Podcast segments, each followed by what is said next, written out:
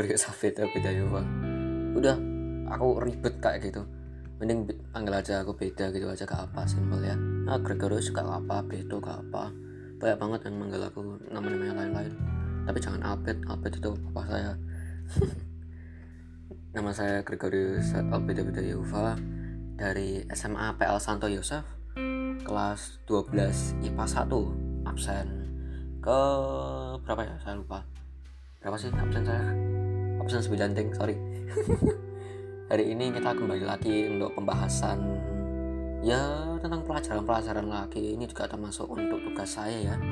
Uh, tugas ini tugas kayak apa ya uh, minggu yang lalu mungkin. Uh, kurang tahu aku. Ya ini tugasnya dari guru informatika saya atau TIK saya hari ini kita akan bahas tentang tiga poin sih tentang yang pertama undang-undang IET eh sorry ITE tuh tuh sama UU hak cipta lalu dampak positif dan negatif TK saya langsung ngecek ya. Soalnya pembahasannya dikit lama ini panjang sekali juga. Yang pertama itu tentang UU ITE benar UU kan singkatan dari undang-undang kan kan dah tahu itu kalau ITE itu apa? ITE itu informasi dan transaksi elektronik. Itu singkatannya oh maaf kepanjangannya kalau singkatannya ITE atau Undang-Undang Nomor 11 lah tahun 2008 itu UU tentang uh, mengatur informasi serta transaksi elektronik atau teknologi informasi secara umum lah ini sebenarnya disahkan oleh Presiden SBY dan DPR RI ya pada tanggal 21 April tahun 2008. UU ini memiliki yurisdiksi ya yang berlaku untuk setiap orang yang melakukan perbuatan hukum sebagaimana diatur dalam undang-undang ini baik yang berada di wilayah Indonesia maupun di luar wilayah hukum Indonesia yang memiliki akibat hukum di wilayah hukum Indonesia dan atau di luar wilayah hukum Indonesia dan merugikan kepentingan Indonesia. Asas dan tujuannya, pemanfaatan teknologi ITE dilaksanakan berdasarkan asas kepastian hukum, manfaat kehati-hatian, iktikat baik, dan kebebasan memiliki teknologi atau netral teknologi lah. Kalau tujuannya pemanfaatan teknologi informasi dan transaksi elektronik yaitu satu mencerdaskan kehidupan bangsa sebagai bagian dari masyarakat informasi dunia, mengembangkan perdagangan dan perekonomian nasional dalam rangka meningkatkan kesejahteraan masyarakat, meningkatkan efektivitas dan efisiensi pelayanan publik, membuka kesempatan seluas-luasnya kepada setiap orang untuk memajukan pemikiran dan kemampuan di bidang penggunaan dan pemanfaatan teknologi informasi seoptimal mungkin dan bertanggung jawab. Duh, panjang. Lalu, yang terakhir, memberikan rasa aman, keadilan, dan kepastian hukum bagi pengguna dan penyelenggara teknologi informasi. Ini guys, ada beberapa poin penting lah dalam penanganan UU ITE.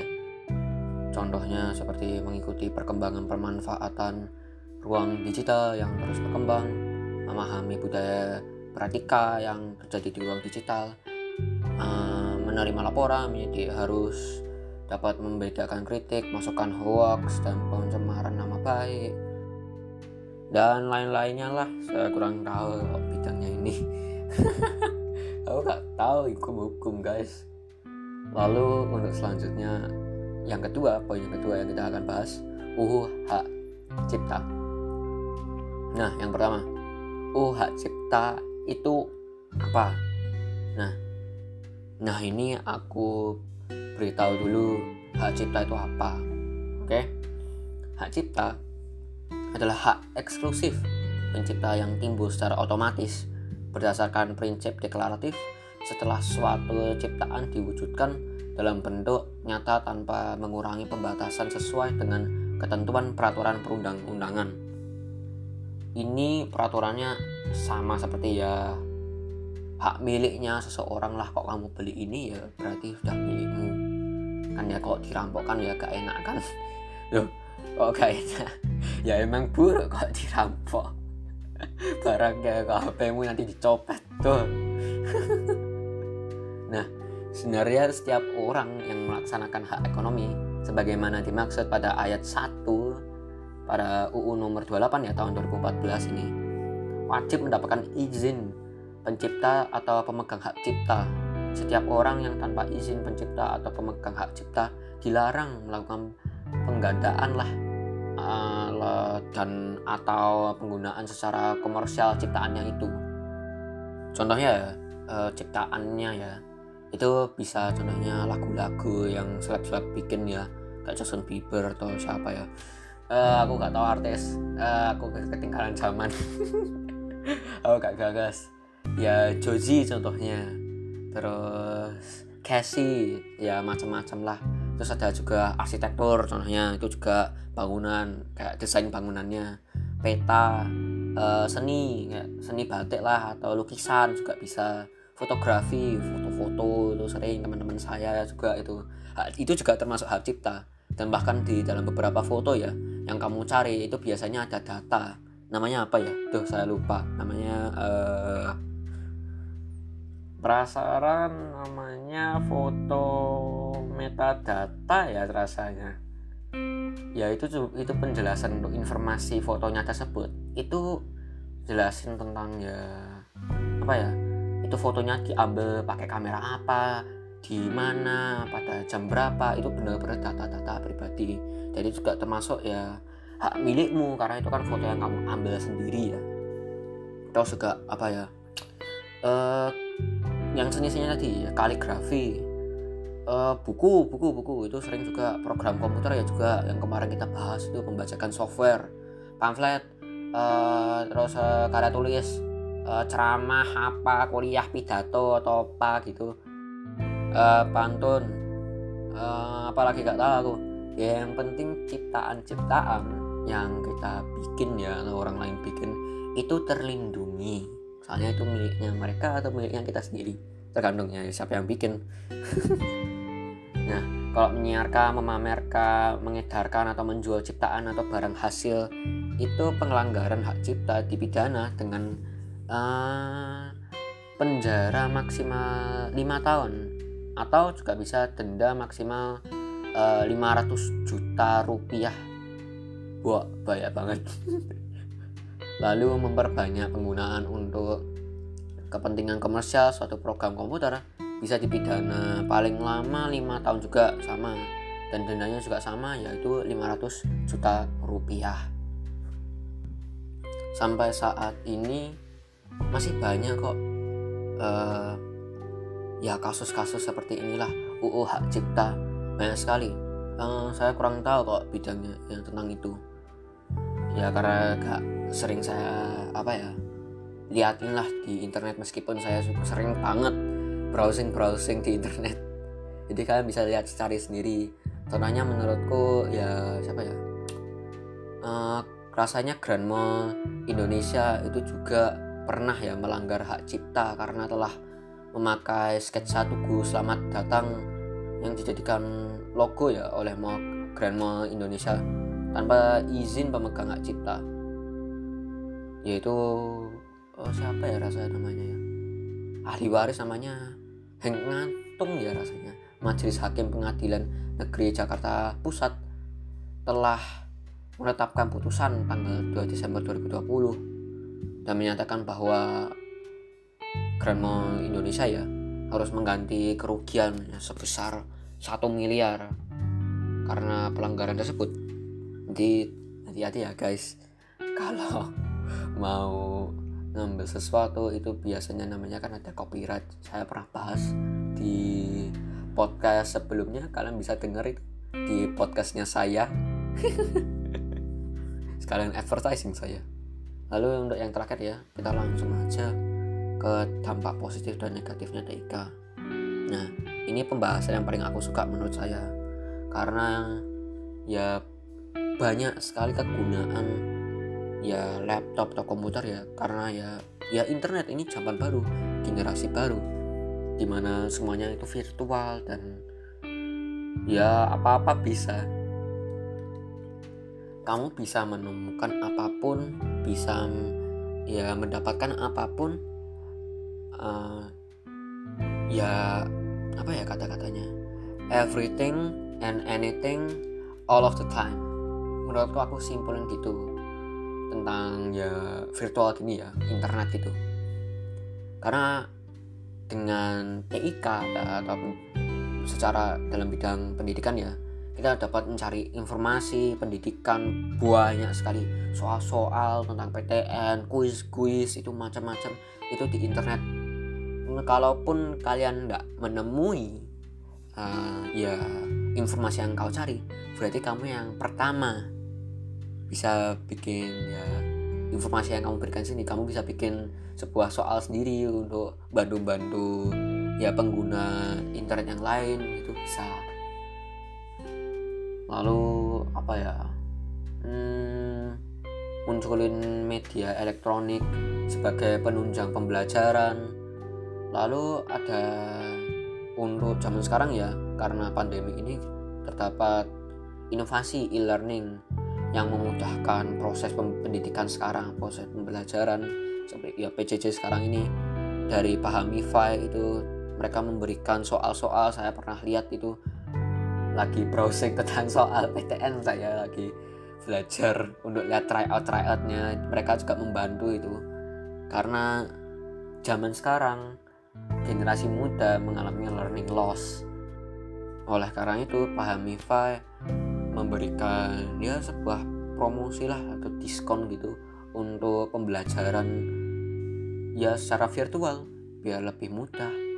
Lalu dalam bidang kesehatan contohnya itu kita dengan TIK kita bisa menyimpan uh, data-data pasien-pasiennya kita. Jadi kita bisa melihat data-datanya lebih mudah lebih singkat gitu. Kalau secara bisnis kita bisa membantu dalam promosi juga bisa atau ya mempermudah transaksi itu juga bisa. Jadi tidak harus ketemuan langsung kasih uang apa ya uang kertas lah langsung. Jadi bisa melalui e-money. Kalau tentang perbankan ya sama seperti bidang kesehatan yaitu ya mempermudah apa ya penyimpanan informasi. Ya kayak data-datanya gitu. Dan mempermudah yang tadi tentang bisnis yaitu mempermudah transaksi-transaksi bisa kita lalui melalui bank. Tapi masalahnya tentang uh, eh, TIK ya ya ini juga masalah tentang internet sih. Pertama ya tadi hak pelanggaran hak cipta. Kedua cybercrime itu banyak juga. Dan ini yang paling parah menurutku. Kalau di Twitter saya pernah lihat banyak, banyak banget. Banyak sekali pornografi banyak sekali perjudian dan penipuan yang terjadi di internet. Dan banyak banget ya istilahnya toxic lah. Kata-kata toxic yang kasar. Dan katanya bahasa Inggrisnya cancel lah. Orang-orang sering cancel sering marah-marah. Jadi di internet itu masih muncul ya sifat-sifat. Ya muncul bukan sifat sih. Ya perasaan.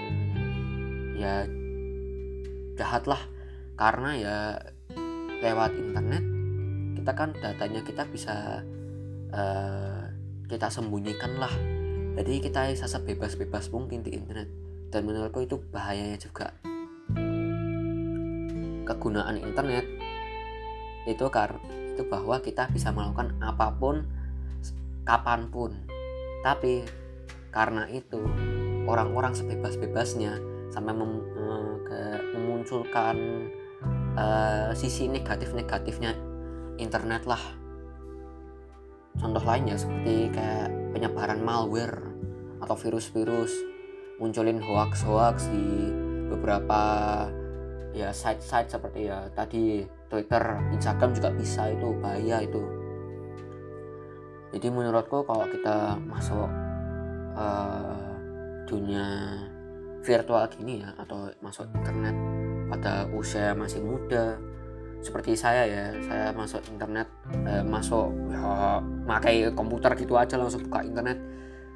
Pas umur berapa ya? Saya umur 5 atau 7 saya masih muda sekali itu. Menurutku buruk ini dari pengalaman saya. Soalnya ya nanti kalian menemui banyak banyak sekali informasi. Yang baik dan yang buruk kesimpulanku itu dari dampaknya positif dan negatifnya TIK ya bukan hanya TIK sih. Ya seluruh uh, internet ini ya, tentang informasi inform sistem informasi dan ya uh, web apalah aku gak tahu tak istilahnya aku gak pinter kalau ngucapin seperti ini. Nah itu aja sih dari saya. Tadi ada pembahasan lain. Oh ada sih satu lagi dari saya ini ini secara pribadi. Ini saya hanya membantu kreator-kreator yang saya kenal ya. Soalnya kita sudah sampai akhir tahun di mana ya covid cukup reda lah cukup reda. Nah ini banyak sekali ya donasi-donasi lah. Ada acara tank mas ada acara tim sis ya rasanya. Yaitu membersihkan ya laut-laut dari ya, sama pantai-pantai dari sampah-sampah di seluruh dunia. Jadi saya bilang ya untuk kalian kalau saya kalian masuk internet ya setidaknya ya lakukan yang baik lah. Keluarin energi positifmu PMA positive mental attitude. Biar ya gak muncul negatif negatif gitu soalnya saya sering lihat banyak sekali malah di Twitter orang-orang pada saling ngajak-ngajak, saling nge-cancel kata-katanya toxic sekali. Dan bahkan di game saya juga lihat seperti itu. Oleh karena itu, saya berharap ya untuk kalian yang mendengarkan ini yang pertama, hati-hati tentang hak cipta ya. Kalian harus tahu tentang peraturan-peraturan saat kamu masuk internet dan ya komunikasilah secara virtual gini ya soalnya dat yang ya data-data yang kamu atau informasi yang kamu dapatkan di net bisa aja ya. Belum tentu benar. Seperti ya saya ini saya saya kan ya apa ya ngomongnya sebebas-bebas saya. Jadi ya ini juga pendapat saya. Jadi jangan jangan ambil semuanya itu benar ya dari saya. Lalu yang kedua itu keluarin yang tadi. Keluarin ya kegiatan positif lah atau kata-kata positif di internet biar gak sering negatif-negatif. Banyak sekali itu sekarang. Biar gak depresi sama biar gak sering marah-marah biar gak muncul apa ya kenakalan lah kata-kata uh, istilahnya. Jadi itu saja dari saya. Ya ini bukan apa ya saran sih. Emang aku suruh kalian ini soalnya harus kayak gitu. Biar internet jadi tempat baik lah menurutku aku sukanya. Internet jadi tempat yang baik yang berguna. Jadi jangan keluarin hoax hoax atau kata-kata nakal toxic gitu segalanya di internet. Karena ya bisa aja karena kamu kena ya apa ya dampaknya lah. Nanti kamu kena denda nanti atau nanti penjara kayak gitu. Jadi hati-hati juga ya yaudah itu dari saya. Mohon maaf bila kata-kata saya itu terlalu bebas ya atau berantakan ya. Saya omong dari hati dan ya pikiran saya dari pemahaman saya dan ya ya dari sebebas saya ini. Karena ya ini hanya cuman ngomong dengan kalian jadi aku gak apa kok. Sebenarnya dia juga untuk ngerjain tugas ini. Ya terima kasih. Mohon maaf bila ada yang kurang ya. Dan sampai jumpa